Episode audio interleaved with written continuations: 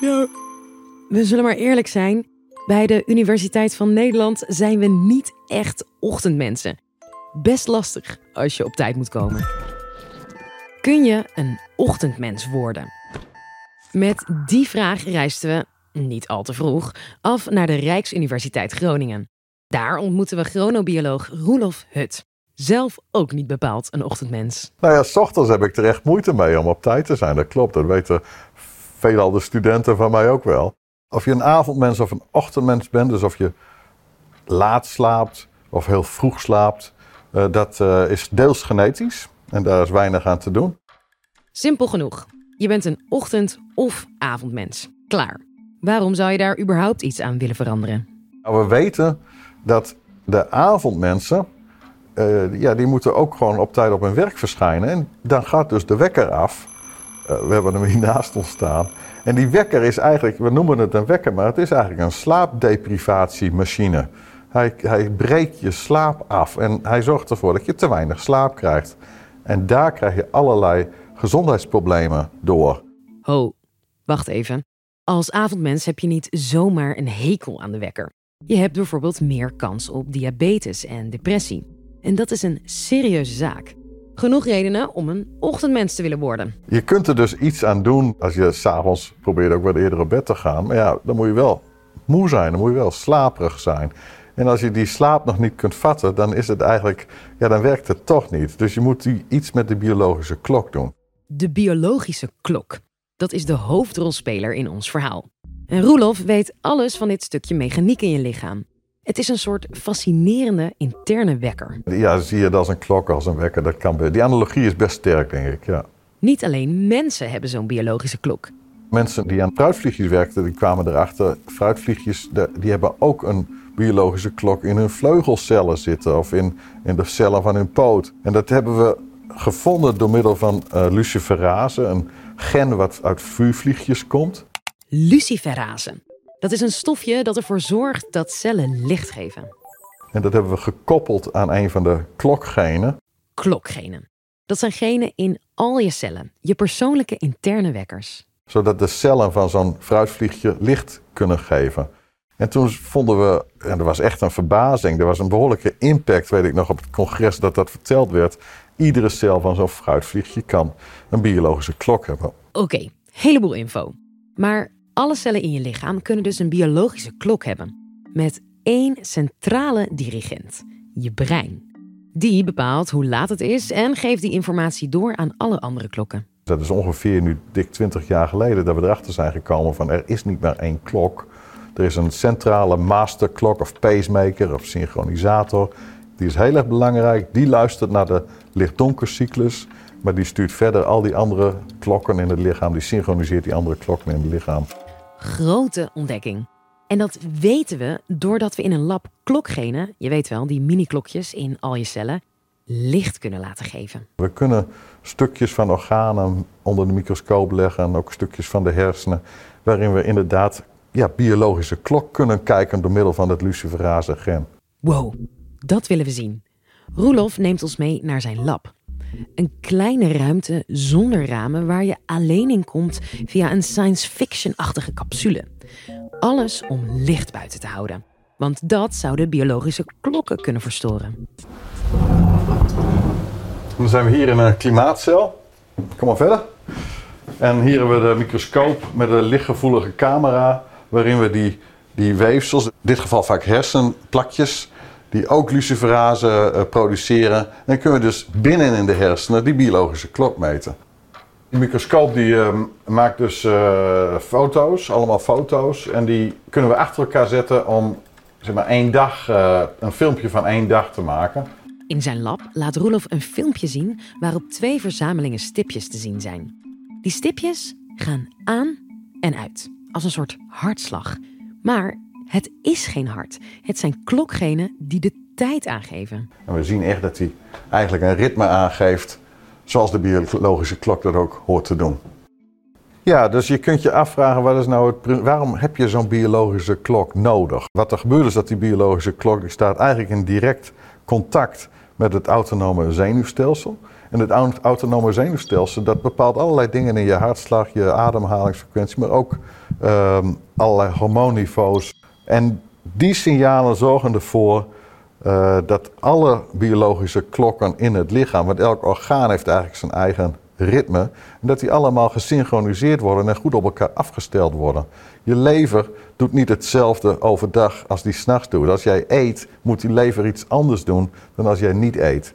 En dat is heel belangrijk dat het afgesteld wordt, bijvoorbeeld met je alvleesklier, et cetera. In jouw lichaam heb je duizenden klokjes. In al je organen zitten ze. Die klokjes volgen een dagschema en sturen je lichaam aan. Zo plannen je maag, lever en darmen wanneer jij gaat eten en wanneer zij dat moeten verwerken. Al die klokjes zijn bizar secuur. Ze bepalen tot op de minuut wanneer jouw lichaam bijvoorbeeld klaar is om te sporten. We hebben dat vrij precies kunnen meten bij Olympische zwemmers. En die, die pieken met hun prestatie om, als ik me goed herinner, precies 12 minuten na 5 smiddags. 12 over 5. Onthoud dat als je gaat sporten deze week. Die allesbepalende klokjes hebben ook effect op je schoolprestaties. En zelfs op of je wel of niet overgaat. Toen hebben we ook op de middelbare scholen gemeten. En daar zie je dus dat de late types, de leerlingen die laat naar bed gaan, die moeten juist niet in de ochtend een proefwerk maken, maar aan het eind van de ochtend of het begin van de middag. En, en de vroege types zouden het liever in de ochtend doen. Dan zie je, dat scheelt ongeveer een half punt uh, op, een, op een proefwerkcijfer. Dus je kunt je voorstellen dat dat aan het eind van het jaar toch echt bepaalt of iemand overgaat dan wel een examen haalt of niet. Nou, dat verklaart die onvoldoendes. Herkenbaar? Stuur deze aflevering gewoon door naar je docent voor avondmenscompensatie. Of met terugwerkende kracht nog. Wie weet krijg je er een half puntje bij. Want jij kan er niks aan doen. Jouw klokje werkt gewoon net te langzaam. Over het algemeen hebben die avondmensen een tragere klok en de ochtendmensen hebben een wat snellere klok. Een trage klok heeft een interne periode, noemen we dat wel. Dus de, de cyclusduur is dan langer dan 24 uur. Iedereen's klok is dus anders afgesteld. Als avondmens gaat je klok te traag. Net als een horloge dat te langzaam tikt. Het duurt langer voordat hij rond is. Praktisch gezien zit dat zo. Laten we zeggen dat jouw interne klok pas na 25 uur rond is. Dan zou je zonder wekker iedere dag een uur later wakker worden en ook later gaan slapen. Vandaag word je om 8 uur wakker, morgen om 9 uur, overmorgen op 10 uur en ga zo maar door. Niet handig in onze maatschappij waarin we altijd maar op tijd moeten zijn. Dus jouw klok moet iedere dag een beetje bijgesteld worden. En, en de oplossing daarvoor is, is dat die klok moet reageren op zonlicht. Want ja, de draaiing van de aarde om zijn as zorgt voor de dag-nachtcyclus. En dat is echt een periode uh, van 24 uur waar die klok zich op aan moet passen. Dat is de kern van, van de taak van die biologische klok. Handig. Het zonlicht reset iedere dag je biologische klok. Maar ja, we gaan niet per se slapen als het donker wordt. En dat zorgt voor problemen in onze moderne maatschappij. Want we moeten de volgende dag wel weer op tijd op werk verschijnen. We gaan niet bij zonsondergang slapen. Dat doet een mens niet. Dat, en dat geeft ook niks. We gaan pas een aantal uren later slapen. Maar dus hebben we een periode van een aantal uur donker. En ja, vroeger staken we een kaarsje nu pakken we kunstlicht. En die lichtniveaus zijn dus veel hoger geworden eh, sinds de industrialisatie. Daardoor zal die biologische klok extra vertragen in de avond. Waardoor dat we weer later gaan slapen. En waardoor dat we weer meer kunstlicht gebruiken de volgende avond. En dat versterkt zichzelf min of meer. Dus het wordt steeds moeilijker om goed te synchroniseren. En, en de biologische klok zorgt, de vertraagde biologische klok door dat kunstlicht zorgt ervoor dat, we, ja, dat het langer duurt voordat we naar bed willen. En dus hebben we die wekker weer heel hard nodig in de ochtend. Dus het is, je moet eigenlijk ook zorgen dat je vroeger naar bed gaat omdat je interne klok dat aangeeft. En hoe kun je dat voor elkaar krijgen? Dat is door meer ochtendlicht te pakken en minder avondlicht. Dus hou het licht, het kunstlicht in de, in de kamer s'avonds wat, wat gedimd. Doe eens een lampje uit en dim je je lampjes. Dat kan tegenwoordig natuurlijk makkelijk. En, en zorg dat je ochtends, als je wakker bent, even naar buiten gaat om die kop koffie te drinken. Of nee, misschien een wandelingetje.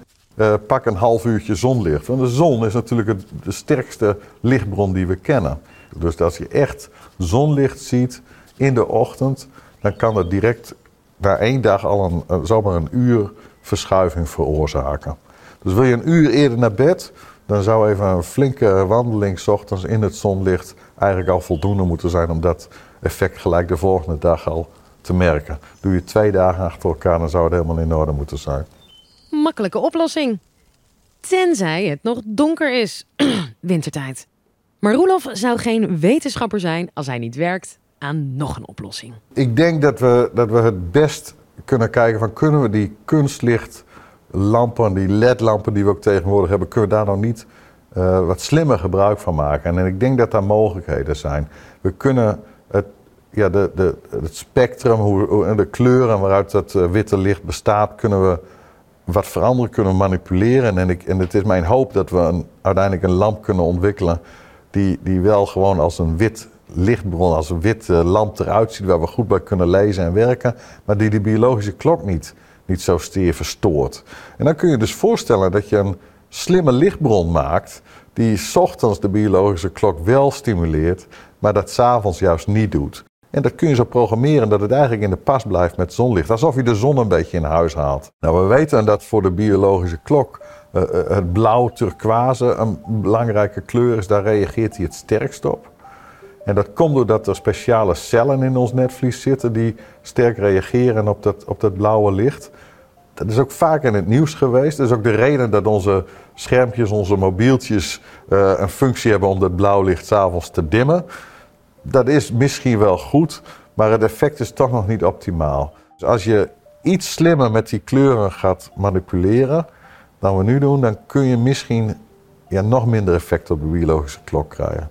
Maar dat zijn we op dit moment aan het bestuderen in een, uh, in een project, een bioklokproject, waar veel chronobiologen ook aan meewerken in Nederland. Met die lamp kunnen we dus een beetje meer ochtendmens worden. Tot die tijd is de beste oplossing een goede ochtendwandeling.